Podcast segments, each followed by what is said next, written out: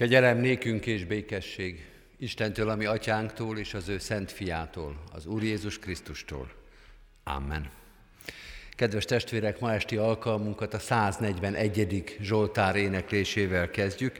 Énekeljük el az összes kinyomtatott verszakát, fennállva az elsőt, majd helyünket elfoglalva a további verszakokat. Így kezdődik a 141. Zsoltár, Te hozzád kiáltok, Úr Isten.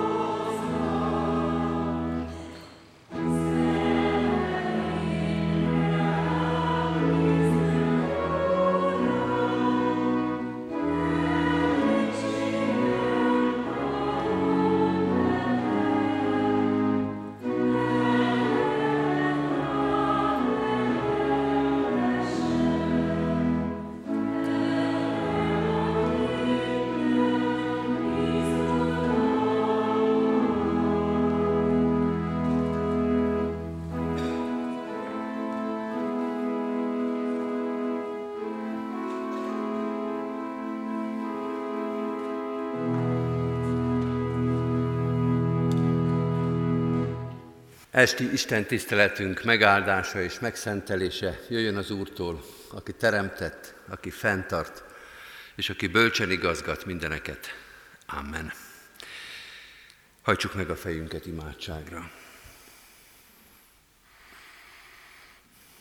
Urunk, már belegondolni is jó, hogy Te vagy az, aki itt mindent a kezedbe tartasz. Hát még megtapasztalni, hát még átélni azt, hogy annyi emberi vagy saját szándék fölött, annyi gondolat megvalósult vagy kudarcba ment terv után, mindig nálad vagyunk, mert Te vagy az Úr, nem csak a Teremtő, de a megváltó, a megtartó Úr is, hogy nincs semmi, ami elszakít, elszakasszon a Te szeretetettől. Olyan jó azt megtapasztalni, átérezni, úgy kelni reggel és úgy feküdni este, hogy a Tieid vagyunk. És olyan rossz arra gondolni, hogy hányszor megtagadtuk ezt. Olyan fájdalmas, olyan szégyenteljes belegondolni, hogy tudtuk mi ezt sokszor, és mégsem így cselekedtünk. Átéltük ezt már sokszor, és mégis mi minden van a szívünkben, a gondolatainkban, a szánkban, és mi minden maradt el, aminek meg kellett volna történnie. Hogy milyen gyengék és gyarlók vagyunk, amikor pedig cselekedni kellene a Te akaratodat. Mégis itt vagyunk ma este is, várni a Te igédet, átérezni a Te jelenlétedet, örvendezni a veled való közösségben.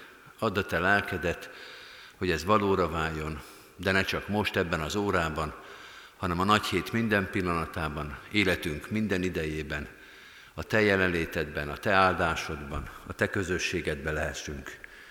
Áld meg a mai esténket is a veled való találkozás örömével. Amen. Kedves testvérek, Isten igéjét olvasom Lukács evangéliumának a 21. részéből, a 21. rész első négy verséből a következőképpen. Amikor feltekintett, látta, hogyan dobják a gazdagok áldozati ajándékaikat a persejbe. Észrevett ott egy szegény özvegyasszonyt is, aki két fillér dobott abba, és így szólt, bizony mondom néktek, hogy ez a szegény özvegyasszony mindenkinél többet dobott a persejbe. Azok ugyanis mind a feleslegükből dobták az áldozati ajándékokhoz, ő azonban szegénységéből mindazt beledobta, amilyen volt, az egész vagyonát. Eddig Istennek írott igéje, foglaljuk el a helyünket. Kedves testvérek, nagy heti találkozások, igehirdetés sorozatunknak értünk a következő eleméhez, a következő stációhoz, amelyen már elkezdődött a virág vasárnapi igehirdetéssel, de azóta is minden este egy-egy találkozásnak lehetünk a tanúi. Ezek a találkozások alapvetően Jézusnak a nagyheti találkozásai, magával a várossal, Jeruzsálemmel, a főpapokkal, írástudókkal, vagy a tegnapi igehirdetésben hallottuk a szaduceusokkal, és most is így haladunk tovább. De hadd emlékeztessek egy mondatra, ami a hétfői igehirdetésben számomra különösen és hangsúlyossá vált, amikor így fogalmazott az igehirdetés, Jézus minden ilyen találkozásában velünk találkozik. Fölsorolhatjuk, és bibliai ismereti szempontból hasznos is megtanulni, hogy ki mindenkivel találkozott Jézus.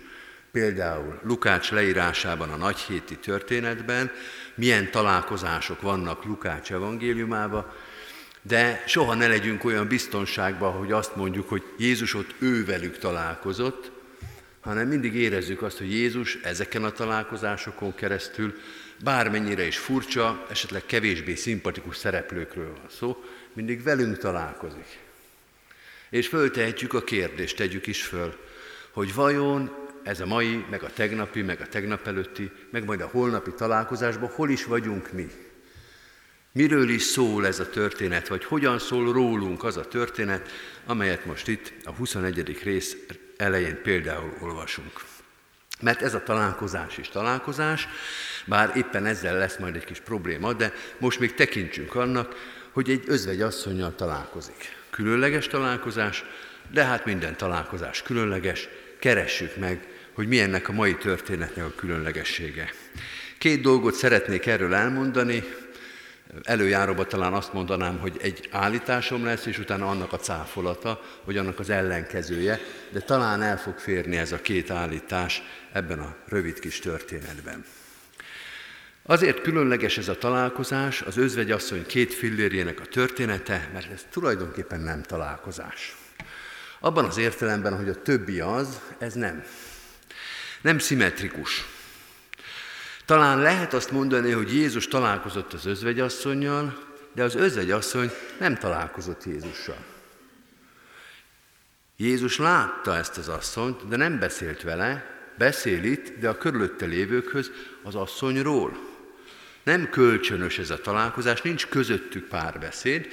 Valahogy úgy képzelhetjük el, hogy a templom térnek, vagy a templom udvarnak azon a részén ülnek, ez egy viszonylag nagy tér, ahol mennek ki be az emberek, és látják nem csak ezt az özvegyasszonyt, hanem látják az embereket, a gazdagokat is, meg mindenkit, hogy hogyan dobnak a persejbe, talán egy nagyobb távolságról, de még felismerhetők az alakok, és látják talán hátulról ezt az asszonyt.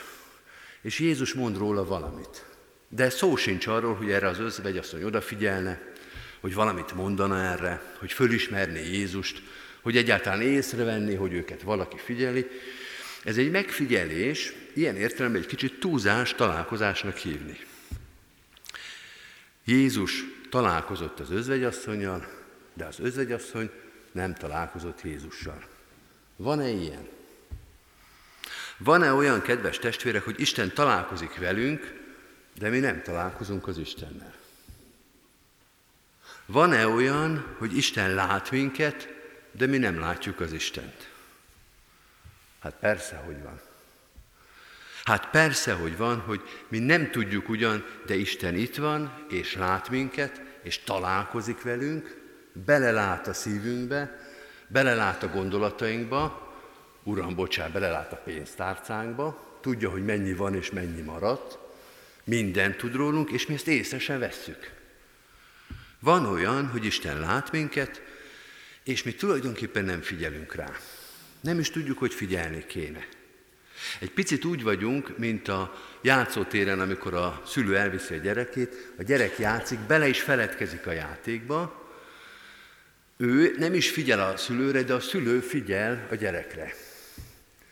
Csak lábjegyzetként jegyzem meg, hogy ez a példa, ez akkor volt igaz, amikor még az okostelefonok nem voltak, azóta ez így nem teljesen így van, csak nézzük meg a szülőket a játszótéren, de amikor nem volt okostelefon, akkor így volt.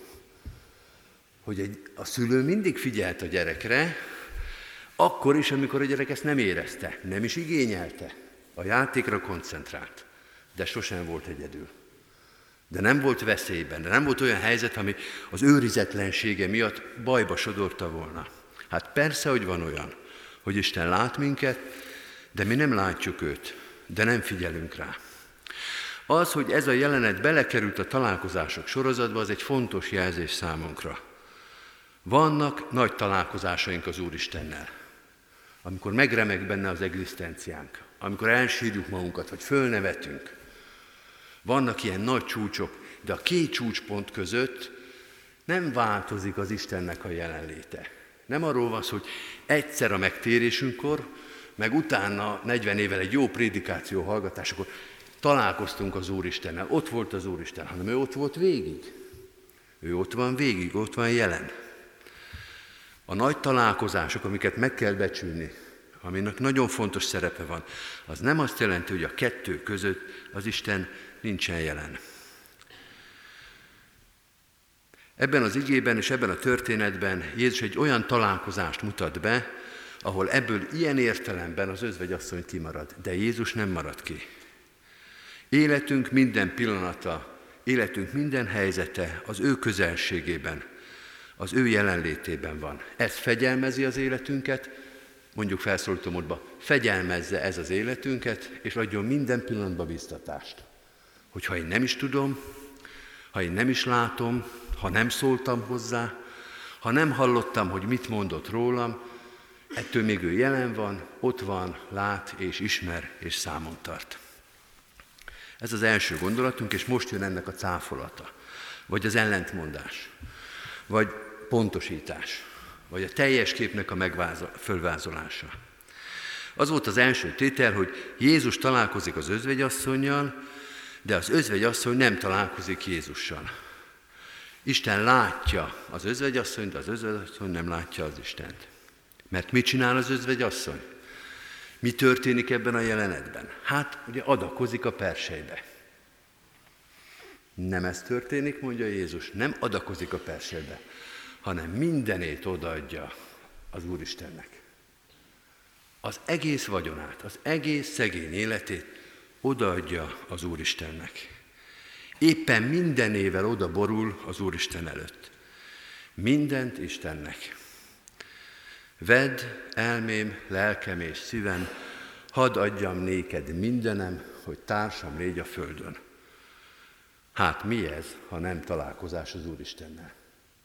Hát mi ez, ha nem belső, legbelsőségesebb oda simulás az Úristennel, az Úristenhez? Ez az idős asszony éppen most találkozik az Úristennel. Éppen most adja oda mindenét az Úristennek. Ennél jobban az Úristennel nem lehet találkozni. Ennél érdemibb kapcsolat az Úristen felé nem lehet. Amikor valaki azt mondja, hogy az egész életem a tiéd. Mindenem, amin van. Még a holnapom is. Rád bízom azt is, mert az utolsó két filléremet is neked adom.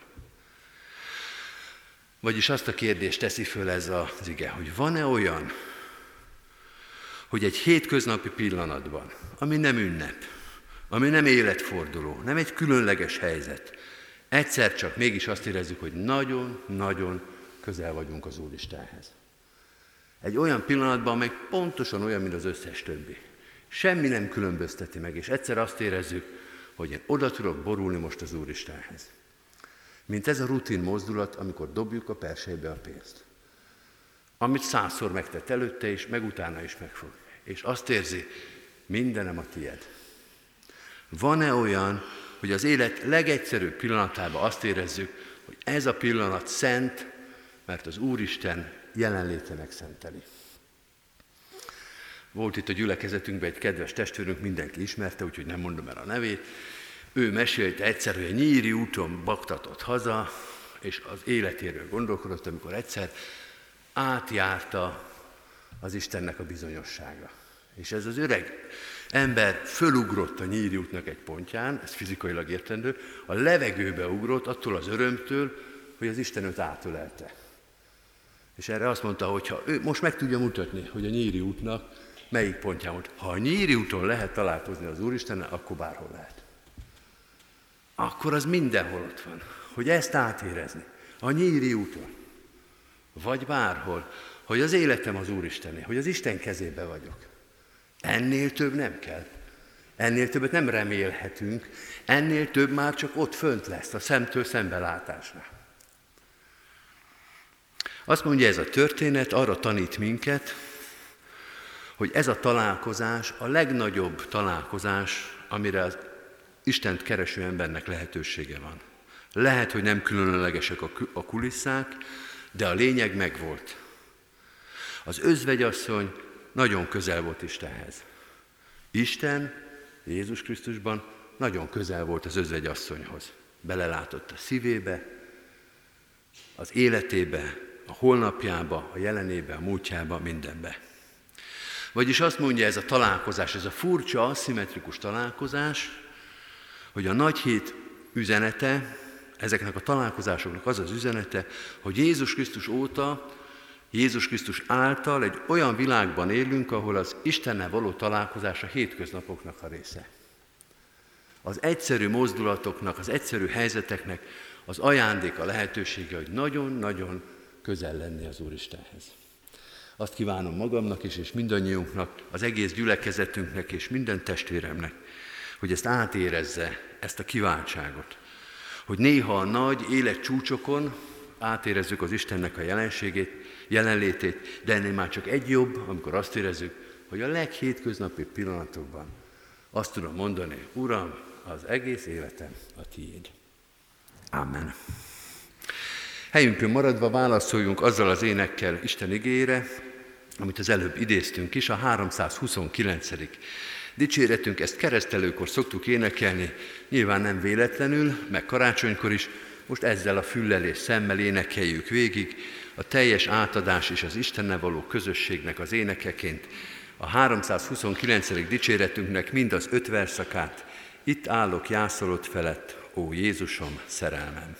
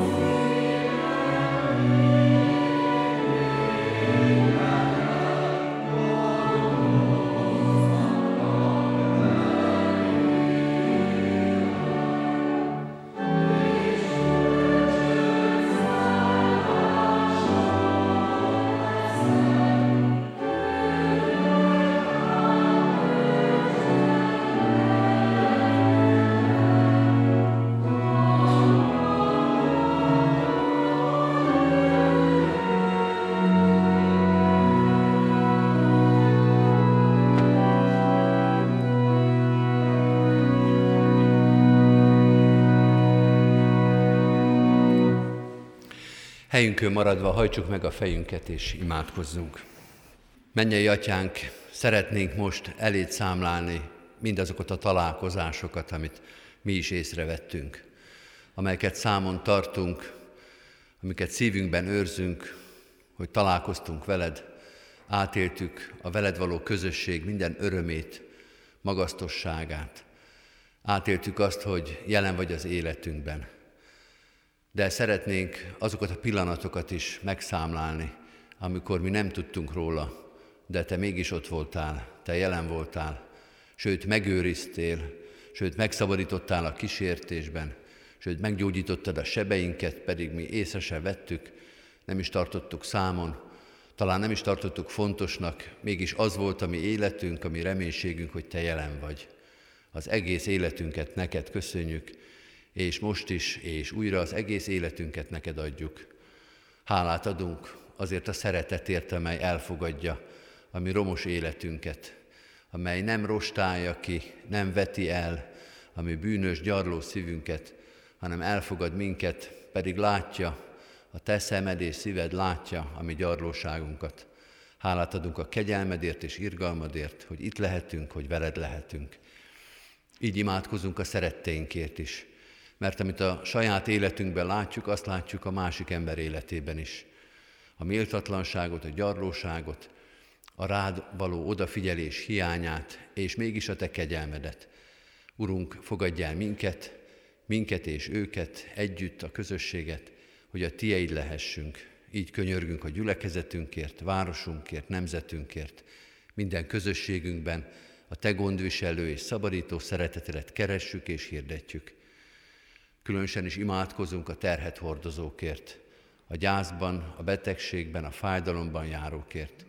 Imádkozunk azokért, akiknek az élete tele van, nincs el, hiányjal, fájdalommal, értetlenséggel, akiknek a szíve gyötrődik, a lelke kiüresedett, az élete elvesztette értelmét. Urunk, annyi sok sodródó lelket, életet látunk. Te fogd meg ezeket a szíveket, Te adj értelmet az életnek, Te adj újrakezdést, reménységet, szolgálatot. Így imádkozunk magyar népünkért és a nagy közösségért, az emberiségért. Urunk, sokszor olyan reménytelennek, olyan érthetetlennek látjuk a világot körülöttünk. A Te bölcsességedre, a Te nagy, mindent meghaladó hatalmadra van szükségünk, hogy legyen reménység, hogy legyen jövő, hogy legyen szeretet ebben a világban. Így bízzuk rád az egész közösséget, a körülöttünk élőket, az egyházat, az egyház közösségeit szerte a világban. Mutasd meg rajtunk a Te dicsőségedet, állíts minket minden nap szolgálatba, hogy evangéliumodat hirdessük. Amen az Úrtól tanult imádságot fennállva és együtt mondjuk el. Ti azért így imádkozzatok. Mi atyánk, aki a mennyekben vagy, szenteltessék meg a te neved. Jöjjön el a te országod, legyen meg a te akaratod, amint a mennyben, úgy a földön is. Mindennapi kenyerünket add meg nekünk ma, és bocsáss meg védkeinket, miképpen mi is megbocsátunk az ellenünk védkezőknek. És ne vigy minket kísértésbe, de szabadíts meg a gonosztól, mert tiéd az ország, a hatalom és a dicsőség. Mindörökké. Amen. Mindezek után Istennek népe, áldjon meg titeket az Úr, és őrizzen meg titeket. Világosítsa meg az Úr az ő orcáját ti rajtatok, és könyörüljön ti rajtatok. Fordítsa az Úr az ő orcáját, tirejátok, és adjon békességet néktek. Amen. Foglaljuk el a helyünket, kedves testvérek, és mielőtt a hirdetéseket meghallgatnánk, hallgassunk meg egy bizonyságtételt is. A mai napon a Kék Kereszt csoportunk szolgál itt az Isten tiszteleten. Most egy bizonyságtételt hallgatunk meg a Kék Kereszt csoportból. Kedves gyülekezet és kedves testvérek! Újvári Gyuláné Marika vagyok. Alkohol függő voltam, de már 11 éve megszabadultam a rabságából. Azóta nem iszom. Szüleim is alkoholisták voltak, de azért nekem nem kellett volna, hogy én is azzá váljak. Nem az ő hibájuk, nem lehet hivatkozni mentségül, Ma már tudom, ez is csak, csak is az én hibám volt. Inkább azért, inkább nem kellett volna inom, mivel láttam azt a sok rosszat, de hát az ember bűnt követel. Az óember időmben még azt gondoltam, hogy az alkohol mindent megold. Pillanatnyi megkönnyebbülést, örömet jelentett. Ez igaz is volt. Arra a kis időre nem éreztem agodalmat, sajnos egy pohár után jött a másik, majd a többi, és nem volt megállás. Ennek számomra akkor lett vége, amikor kórházba kerültem, és jöttek a problémáim. Rámentem az egészségem az alkoholra, és kevés esélyem volt a gyógyulásra és az életben maradásra. Hát itt mondhatom az isteni csodát, hogy itt vagyok, és bizonságot tehetek mindenkinek.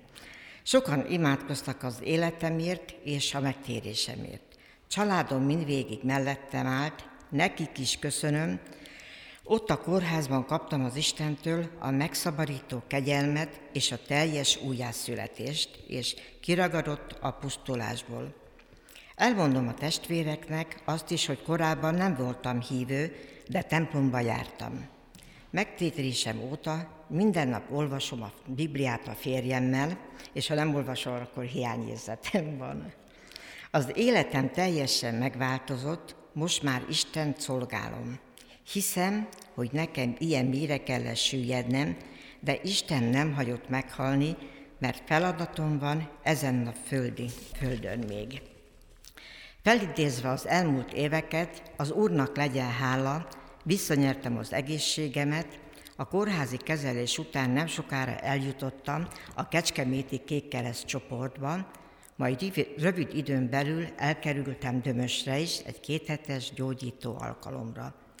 Nagyon jó volt ott lenni, és Isten közelsége gyógyítóan hatott rám. Testben, lélekben megerősödtem. Azóta is, ha tehetem, gyakran járok Dömösre vissza, hitmélyítő alkalomra, és másoknak is tudok ott segíteni, ezzel is szolgálva az Urat. Most már én segítek másokon, nem én rajtam segítenek. Nagyon jól érzem magam a Kecskeméti Kék Kereszt csoportban, ahol lelkitársak, igazi testvérek és barátokra találtam. 11 éve rendszeresen járok férjemmel együtt a közösségi alkalmakra. Hát itt megköszönöm neki, hogy minden szerdán jön velem hűségesen, mivel én nem kecskeméti vagyok. Ma már én is igyekszem segíteni a rászoruló testvéreknek imával, lelki beszélgetésekkel, tettel és bizonságtételekkel. Személy szerint én is, a csoporttársaim is megtapasztaltuk már sokszor a ima csodálatos erejét. 2010-ben büszke örömmel és háladással vettem át a kék kereszt jelvényt, és tudom azt is, hogy ez engem mire kötelez, naponta imádkozva és hálát adva élem, elém új ember életemet.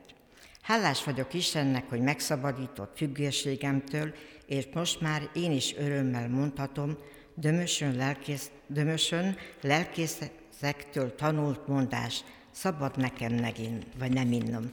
Hát ezt még hozzáteszem, kedves testvérek, hogy nagyon jó így élni, és tisztán. Úgyhogy én nekem nagyon más lett az életem, bölcsebb lettem, és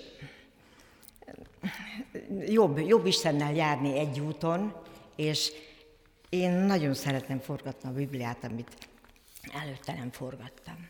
És én nagyon szeretek közösségbe járni, amit köszönök a Kék Keresztnek, hogy velem voltak, hogy együtt vagyunk, és egymást támogatjuk mindenben. És ez nagyon jó érzés. Köszönöm szépen, hogy meghallgattam. Köszönjük szépen dr. Varga Miklósnénak az imádsága mi atyánk vezetését, és Újvári Gyulánénak a bizonyságtételt. A Kék Kereszt csoport is itt van, ezt biztos mindenki látja, de mondom is, hogy ugyanebben az időben, mindig szerdán tartja a Kék Kereszt eh, csoport az együttlétét eh, itt a gyülekezeti központban fél hattól, jól mondom? Hattól. Eh, hattól nagy szeretettel várnak mindenkit és én is nagy szeretettel ajánlom mindenkinek, akár azért, mert a családjában bármiféle érintettség van, vagy ő maga érintett, vagy szeretne segíteni, és szeretne ezekkel a, a, a helyzetekkel, mint segítő találkozni. Minden módon lehet csatlakozni a Kék Kereszt körhöz. Az gyülekezetünknek az egyik legerősebb, legnagyobb szolgálat tevő csoportja. Isten áldása legyen rajtuk is, a benne szolgálókon, családtagokon, mindenkin. Szeretettel hirdettem, hogy az ige hirdetés sorozatunk folytatódik, holnap, holnap után, azután is. A megszokott rendben este 6 órakor várjuk az Isten tiszteletre a gyülekezet tagjait, holnap főtiszteltő Varga László lelkipásztor testvérünk szolgál, ő hirdeti Isten igéjét, Nagypénteken reggel 9-kor is tartunk úrvacsorás istentiszteletet, és este 6 órakor folytatódik a sorozatunk a megszokott passiós istentisztelettel, szintén Lukács evangéliuma szerint olvassuk a passió történetet. A szombati, e, szombat esti alkalmunk, az pedig vigasztaló istentisztelet lesz, ahol nem csak a nagy hétre érkezőket, a nagyheti istentiszteletet keresőket várjuk, hanem azokat is, akik az elmúlt, hét, elmúlt hónapban veszítették el valamelyik szerettüket, imádságban hordozzuk őket ezen az alkalmon is. Szeretettel hirdetem, hogy a húsvéti alkalmainkon minden Isten tiszteleten úrvacsorai közösséget tartunk itt a templomban is, és minden Isten tiszteleti helyünkön, vasárnap mindenképpen, 9-kor, 11-kor és este 6 órakor, és a városban minden református Isten tiszteleten, de húsvét hétfőn is itt a templomban úrvacsorai alkalmak lesznek. A húsvét azért is lesz még egy különleges alkalom, egy újdonság, hogy a templom felújításra kiadott cserépjegyeket ekkor kezdjük el árusítani itt a templomban, pontosabban annál a kiáratnál, ahol ott lesz egy kis hely, aki úgy szeretne adakozni a templomra, hogy szeretne egy nagyon szépen megtervezett, a könyvtárosaink által megtervezett és kivitelezett cserépjegyet, az megteheti, és itt a templomban, és majd egyébként sok más gyülekezeti alkalmon ezen keresztül is támogathatjuk az évnek a nagy vállalását, nagy lehetőségét, hogy a református templomot kívül és valamennyire belül is fel tudjuk újítani. Az Úr Jézus Krisztus legyen gyülekezetünk őriző pásztora. Kedves testvérek, a záró énekünket énekeljük. Ez a bizonyos barna füzetnek, a lélekkel és értelemmel című füzetnek a 16. éneke. Ezt az éneket minden este énekeljük, és szükség is van rá, mert elég nehéz ének, de már szépen haladunk benne, kapunk is egy kis segítséget ebben, hogy eh, vezetett lesz az ének. Csináljuk úgy, hogy kétszer énekeljük el az első verszakot, és utána a másodikat is, hogy egy kicsit gyakoroljuk, és köszönjük a segítséget, hogy az ének vezetéssel egy kicsit előbbre haladhatunk ennek a szép dicséretnek a megtanulásában. A 16. dicséret a bárány horda, hordja csendesen, kétszer az első verszakát, és utána a második verszakot is énekeljük el.